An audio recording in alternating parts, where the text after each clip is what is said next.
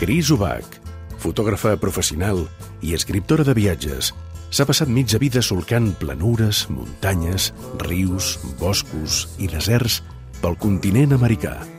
En una mà, el volant, en l'altra, la càmera de retratar i al davant, l'horitzó inabastable. D'aquestes vivències en són les seves cròniques americanes.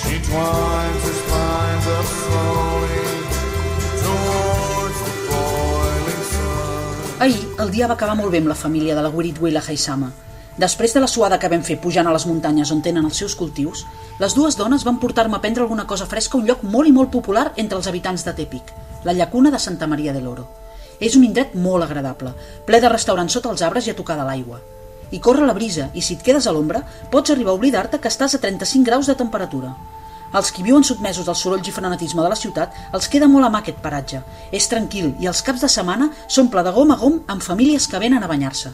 I també, com no podia ser d'una altra manera, recordem que som a Mèxic, a menjar bé. La llacuna, segons em van explicar les dues dones, és el cràter inundat d'un dels volcans de la Sierra Madre Occidental, tot i que encara hi ha gent que defensa que la conca del llac es va crear per la caiguda d'un meteorit.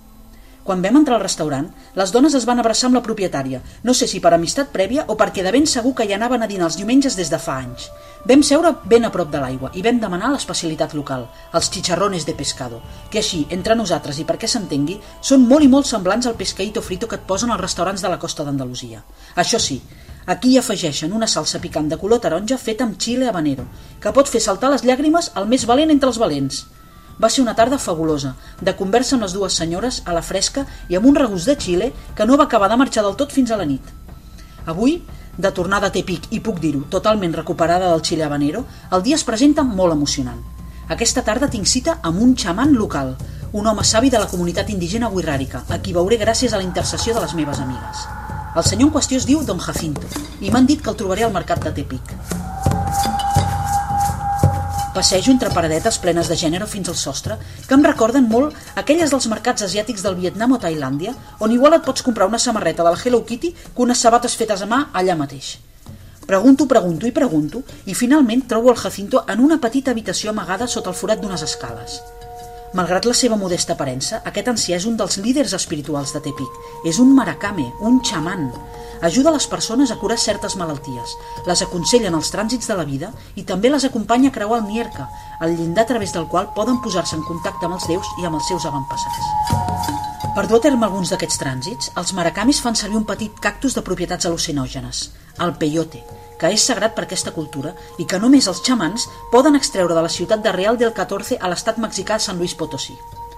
En Jacinto, que és un home de poques paraules, em proposa una límpia de sanació de l'alma. El nom imposa. Així que abans de posar-me en mans d'aquest avi misteriós, prefereixo preguntar què m'espera. Resulta que aquests rituals són molt populars, no només entre la comunitat indígena, sinó també entre la resta de mexicans que s'ho fan de manera periòdica. Deu ser una cosa semblant anar al fisioterapeuta, però per a les afeccions de l'esperit. Dec fer cara d'espant, perquè el primer que m'aclareja en Jacinto és que no hauré d'ingerir res, tampoc peyote. Perfecte, doncs, si no fa mal, endavant. El xaman em fa seure en una cadira trotinada i comença a preparar una sèrie d'objectes que guarden un racó. Aprofito per estudiar bé l'espai i descobreixo que a les parets es barregen els símbols propis de la cultura guirràrica amb imatges de Cristos, verges i sants. Sincretisme en estat pur. En un moment donat, en Jacinto fa un crit potent que em sobta que pugui sortir d'aquest cos tan fràgil. Tot seguit, comença a entonar un càntic en la seva llengua. A una mà porta un manat de plomes d'àliga i a l'altra unes pedretes de copal, aquella mítica resina aromàtica que ja feien servir els maies precolombins a les seves cerimònies. El xaman encén el copal en un bol i aviat l'estança s'omple d'un fum espès. Això, cal dir, ajuda a crear un ambient de misticisme bastant interessant. Llavors se succeeixen els càntics i els moviments frenètics del plomall que és expulsat sobre mi de cap a peus. Després, amb una mena de canya, com les que fem servir pels granissats, l'home comença a fer com si vagués del meu cap i de la meva esquena. Per cada aspiració que fa, el xaman escup una pedreta de color negre. N'acaba traient vuit. La cerimònia finalitza tan sobtadament com ha començat, amb una picada de mans i una paraula recitada en veu exageradament alta. Ja està, em diu el Jacinto, ja ets lliure de totes les maldats que tenies a dins. Per ratificar les seves paraules, m'ensenya les vuit pedretes que suposadament han sortit del meu cos petites, inofensives, però que segons ell encapsulen tots els mals d'ull, maldats i malestrogances que m'hagin pogut desitjar en vida. Sincerament, em sento molt més alliberada.